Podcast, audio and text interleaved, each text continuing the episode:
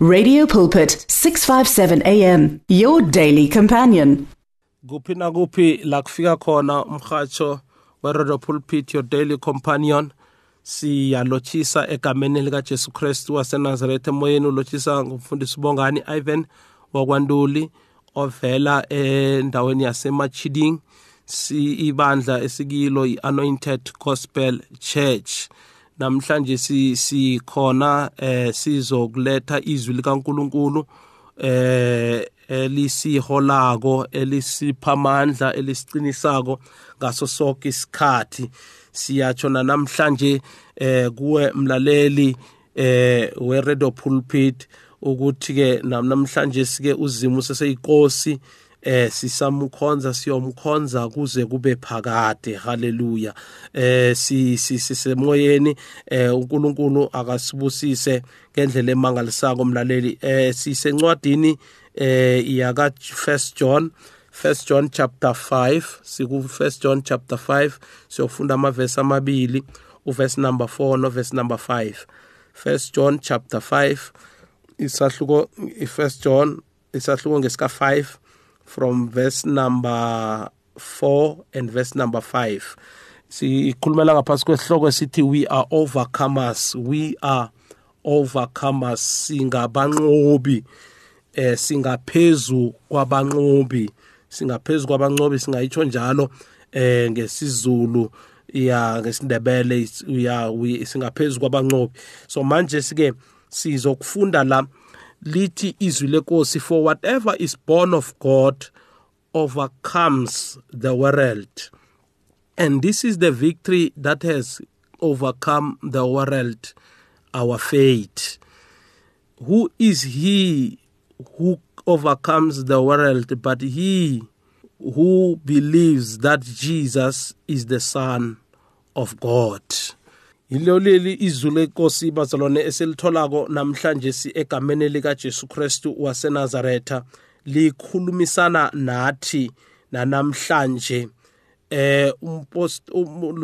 lomlobi umbhali walencwadi uJohn eh usitshela amagama nanyana izwi elinye elinamandla ngendlela emangalisako ukuthi konke okuzelwe nguzimu for whatever is born of God okuzelwe ngokukazimu kuyalihlula izwe and this is the victory that overcomes uh, has overcome the world our faith konke okuzelwe nguzimu kuyalihlula nanyana kuya overcome izwe overcomes the world so now manje ke we are the overcomers singabanqobi thina and ukunqoba kwethu lokhu kuhlula kwethu lokhu eh sihlula ngoba kunezinto esiqalana nazo ngilethe kuhle le ndaba mlaleli weredo pulpit sihlula nasithi we are overcomers singabahluli sibabantu abahlulako kungoba kunezinto eyemtele sizohlule nanyana sizinqobe ngoba we are singabo singabahluli njalo we are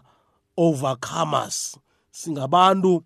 abahlulako ngaso sonke isikhathi manje yemtele sikubambe ke lokhu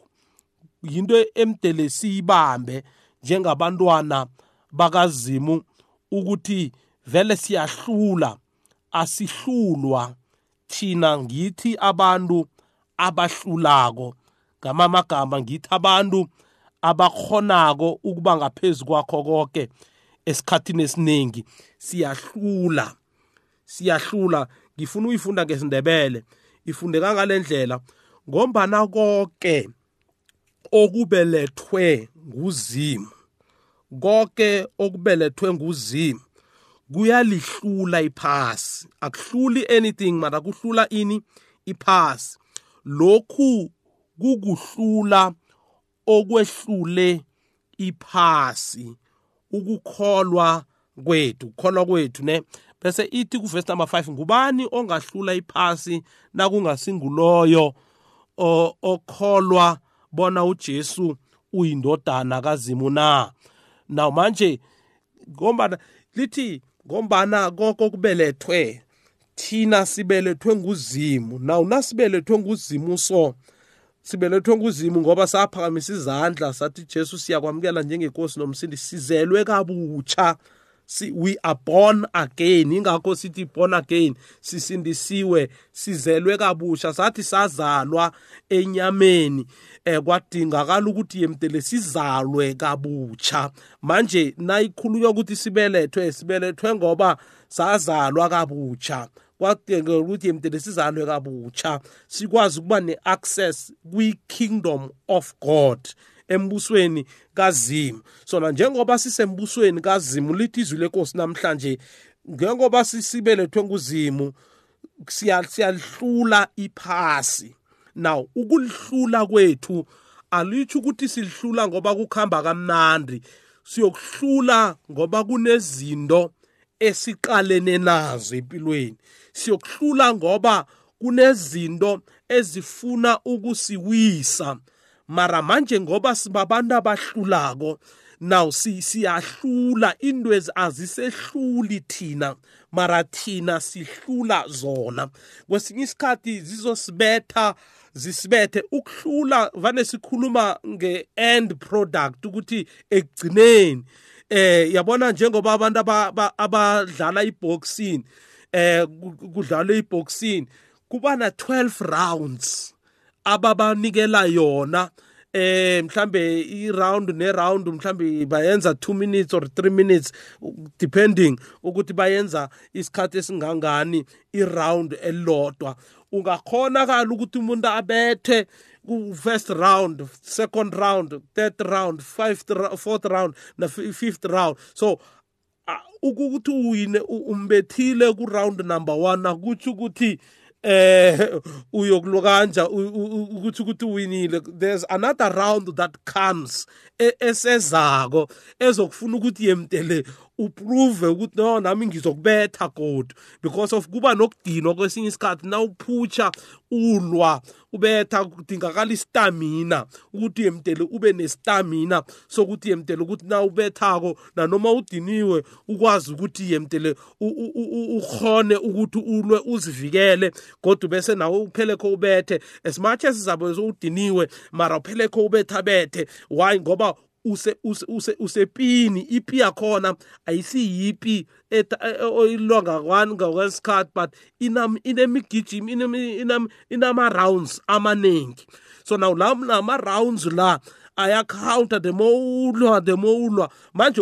ungenzeka uhlulwe kuround number 1 mara kuthi ukuthi nawuhlulwe kuround number 1 e, yokulokanje uhluliwe and it's it's eh, eh, eh kusesene another round ama round amanye akunikela ithuba lokuthi eh, nawe ungazibethela so namanje nathi njengoba sithi ibhayibheli lithi singabahluli we are overcomers now kunezinto at the end of the day esicalene nazo ene lezinto lezi zifuna ukusigcwinya nanyana zifuna ukusihlula but at the end of the day ngoba sizelwe nguzimu thina sizwelwe nguzimu thina sazalwa nguzimu nanaw sizwelwe nguzimu so singabahluli siyahlula ngaso sonke isikhathi singabahluli siyahlula asihlulwa thina singabantu abahlulako ngaso sonke isikhathi so manje asingeke sihlulwe izinto ezikhona uzimna ngabe asitshela ukuthi singabahluli thina ukuthi ngamamagama sinakho lokho ngaphakathi kwethu i-identity yethu inalokho sinalokho ukuthi siyahlula ngaso sonke isikhathi we are overcomers we are overcomers yilokho engikukhulumela ngaphasi kwakho namhlanje ukuthi we are thina we are the over comers manje kunevesi nandi lapha eh ku John chapter 16 verse number 3 eh ukhuluma nakamazwi uJesu uthi these things i have spoken to you that in me you may have peace ne in the world you will you will have tribulation emhlabeni uyathi ujesu bekakhuluma nabafundi bakhe ukuthi nizoba nama-tribulation ne nizoba nama-tribulation yizinto lezi ekufanele sizi-overcome ke lezo-ke so namanje uthi but be of good cheer i have overcome the world uthi gcinani isibindi mina ngilihlulile iphasi nangabe nihlulwa liphasi nizobe nifuze bani nangabe iphasi liyanihlula nizobe ningakafuzi mina manje into enginitshela yona ukuthi yemtelenazi ukuthi iphaseli ngilihlulile ukuhlula kwenu nikuthatha kimi ngimi umuntu ongahlula ngilihlulile phasi kutsho njalo uthi be of good cheer now cinani sibindi be of good cheer I have overcome the world mina ngilihlulile iphasi leli lomhlaba lo ngihlulile sathane bekazitshela ukuthi ucedile ngami mara mina ngihlulile at the end of the day I have overcome uyabona ujesu uthi i have overcome the world i'm not going to overcome it but i have overcome the world tho ukuthi yinto eyenzekileko bakwethu njengoba sikuJesu so angaphakathi kwethu siphila ngaye imihla namalanga asazini ukuthi we are overcomers mara ngikuveze lokho ukuthi uku-overcome kwakho lokhu ukuhlula kwakho lokhu kunezinto ozihlulako day in and day out mnyaka lo ngahlula lokhu umnyaka ozako uhlule lokha uyabona zinenge izinto esicalana nazo empilweni mara into kulukulukhulu ekufanele ukuthi siyazi ukuthi singaphakathi kwazo zonke lezo zinto esiba ngaphakathi kwazo singabahluli thina ekugcineni sathana noma ungenza whatever okwenzako mara ekugcineni kuyokugcina mina angeke kugcine wena kufanele ke sisikhathi usikhathane simtshele ukuthi a-e wena wahlulwa 2000 years ago egolgotha wahlulwa wena inhluthulelo zokufa zisesandleni sikaNkuluNkulu kuseleke simtshele simtshele simtshele iqiniso that's that's that that's the reality that's the thing ekhona ukuthi wena Dabakwa says, we are not we are no longer negotiating with you. Your matter, God, yes, eh 2000 years ago so we are overcomers la akakazogcina wena kwami akakazogcina wena e, emsebenzini nami akakazogcina wena ebhizinisini nami akakazogcina wena kuyogcina mina ngoba ngingohlulileko mina ngiyahlula angihlula nanoma ungayenza uthi ufuna ukuceda ngebhizinisi sami or uceda ngombereko wami i'm not being overcome by these things lonke lezinto lezi kungenzeka but at the end of the day ngifuna ukuthi wazi ukuthi ngimi ekugcineni oyoba ngaphezulu akakayogcina wena kuyogcina mina akayogcina wena kuyogcina mina ngoba i am an overcomer i am an overcomer ngifuze ujesu lo ongaphakathi kwami i am in him i walk in him i live in him ngenza konke ngaye uthi upostol paulos i can do all things through Christ who strengthened me, I can overcome any obstacle. Why? Because of Christ has did it for me. He has overcome the world. Ulihlulile iphasi, ulihlulile. Siqale kuye. He's a God ohlulileko. He's not a God who is defeated, but he's a God ohlulileko. Uhlulile uzimo. So, yilokho esingikho. yilokho efanele sikwazi njengamakholwa yilokho efanele sikwazi sikuphile sikukonfese sikukonfese isimo sicalile sicalene nawo utsho ukuthi eh akayogcina wena kuyogcina mina manje ebese iverse number 5 athi eh lapha ku kulo kanje eh ku first john ku first john azothi ku verse number 5 ngubani eh or before ngiya uthi lokhu kuhlula okwehlula iphasi ukukholwa kwethu ukuhlula okuhlula iphasi eli ukukholwa kwethu ukukholwa kwethu the faith that we have ya siyahlula siyahlula siyabelieve we believe that god uzimu wahlula nathi siyohlula we believe we believe sibelieve si si si si silo kanje kubhlungu sibelieve eh, izino zikhona sibelieve amathatha akhona sibelieve inrarejo zikhona empilweni zethu sikholwe ukuthi eh siyahlula siyahlula sihluli ngoba eh sisazi sihlula ngoba sinamandla sinokholelwa kulo Jesu sihlula ngoba sinokholelwa kulo Jesu now ngubani ongahlula iphasi na nansi yabuza-ke ngubani ongahlula iphasi nakungasingiloyo okholwa bona ujesu uyindodana kazimu na uthi ngubani uyabuza ukuthi ngubani ongahlula iphasi um eh, nakungasingiloyo bona loyo okholwa bona ujesu indodana kazimu na now umuntu ohlulako ngilokholwako ukuthi uJesu uyinkosi nomsindisi nangabe awukholelwa kuye angeke ukhona ukuhlula mara as long as ukholelwa kuye uyahlula ngoba lokho okukholelwa kikho ngikho kukuberegelako ukholelwa kikho kuyakuberegela uzima uzokuberegela waye ngoba ukholelwa kuye uyakholelwa ukuthi no e-e yena uzongenzela izinto ngiyakholelwa ukuthi le uzongikhipha ngaphakathi kwaloku kufa ngiyakholelwa ukuthi uzongikhipha ngaphakathi kwalogula uzongikhipha phakathi kwe ngiyakholwa i believe now so ukukholwa kwethu kukusenza ukuthi sibe babantu abahlulako ukukholwa kwethu kusenza sibe ngabantu abahlulako so now njengoba sihlula imihla namalanga asichubekeni sihlule ngaso sonke isikhathi singa singabi abantu abazithathela phansi ngenxa yezimo esiba ngaphakathi kwazo mara asibeni abantu abakholelwako kule nkosi ukuthi nangembala uzimethu usihlulele nakasihluleleko nathi siyokhona ukuhlula ngoba sikuye musi sikhamba naye sihlala kuye so namanje ukukholwa lokhu vane senze ngeexample nawuvula i-TV ekhaya kuneprogram edlalako eh nawukhamba uye mhlambe somewhere endaweni enye i-TV nanoma ungayicima mara i-program ekufanele ukuthi idlale ngaleso sikhathi e, e, mhlambe ngo-11 iyophela ngo-12 iyokudlala whether wena ukhona awukho it will continue to play sona ayithi ngoba ukho iprogram bese iyajama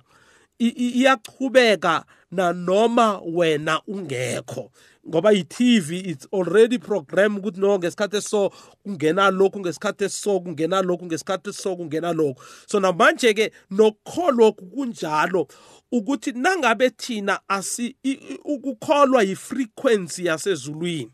yifrequency yasezulwini yindlela yilanguage yekhaya ezulwini lithi ibhayibheli encwadini yabahebheru akwenzeki ukuthi simthokozise uNkulunkulu ngaphandle kokukholwa nasikholwako now senza into sikwi frequencies ukuthi we are in line nalokhu uzimo afuna ukuthi sikwenze so namanje nawungekho ekukholweni awukho ukuthi ukuhlula ngeke ukhona ukuhlula uzidima amandla okuhlula nawungakholwako mara nawukholwako uzibeka ethubeni lokuhlula ngaso sonke isikhathi so now whether wena uyakholwa or awukholwa kuthi ukuthi eh ukuhlula ngeke kube khona kuzoba nabantu aba-experience ukuhlula ngaso sonke isikhathi why because of bakwi-frequency hayi ukuthi wena na ungekho ukuhlula angeke kuhlulwe kuzokuhlulwa mara angeke kuberegele wena ngoba angitsho awusi in line nokukholwa eh awusikho awukho ku-frequency yokukholwa manje na la kufrequency yokukhona uzibeka emathubeni wokuthi ukhona ukuhlula khamba ukuhlula mlaleli weredio pulpit ake sithandaze baba siyabonga umusa osenzele wona nokuthi singabahluli ngaso sonke isikhathi nangumlaleli lord god olmathi ngiyamthandazela amandla okuhlula akamembathe amandla okuhlula akabe phezu kwakhe ngaso sonke isikhathi ngelihle igama lomfelwethu ujesu kristu ozophila businaphakade naphakade amen mlaleli wethu pulpit na ungifuna uyangithola kulabo nomboro 076 027 0799 076 027 0799 siyathokoza mlaleli The words of the Lord are words of life. Your heart is on 657 AM. 657 AM. Radio for believers in action.